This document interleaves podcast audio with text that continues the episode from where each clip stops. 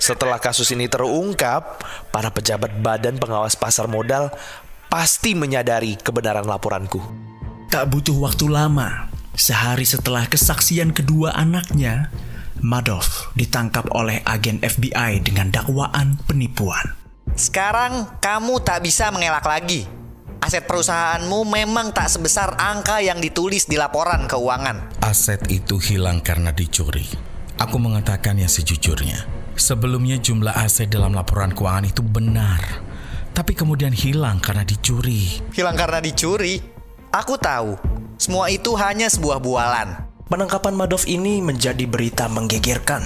Tak satu orang pun menyangka Bernard Lawrence Madoff, pialang kelas dunia sekaligus mantan kepala pasar modal Nasdaq, ternyata adalah seorang penipu ulung. Selama tiga dekade terakhir, ia menjalankan tipuan kuno ala Ponzi dengan kamuflase gaya baru. Beberapa hari setelah penangkapan Madoff, FBI juga berhasil menggagalkan usaha Ruth Alpern, istri Madoff, yang hendak mengalihkan kekayaannya ke luar negeri.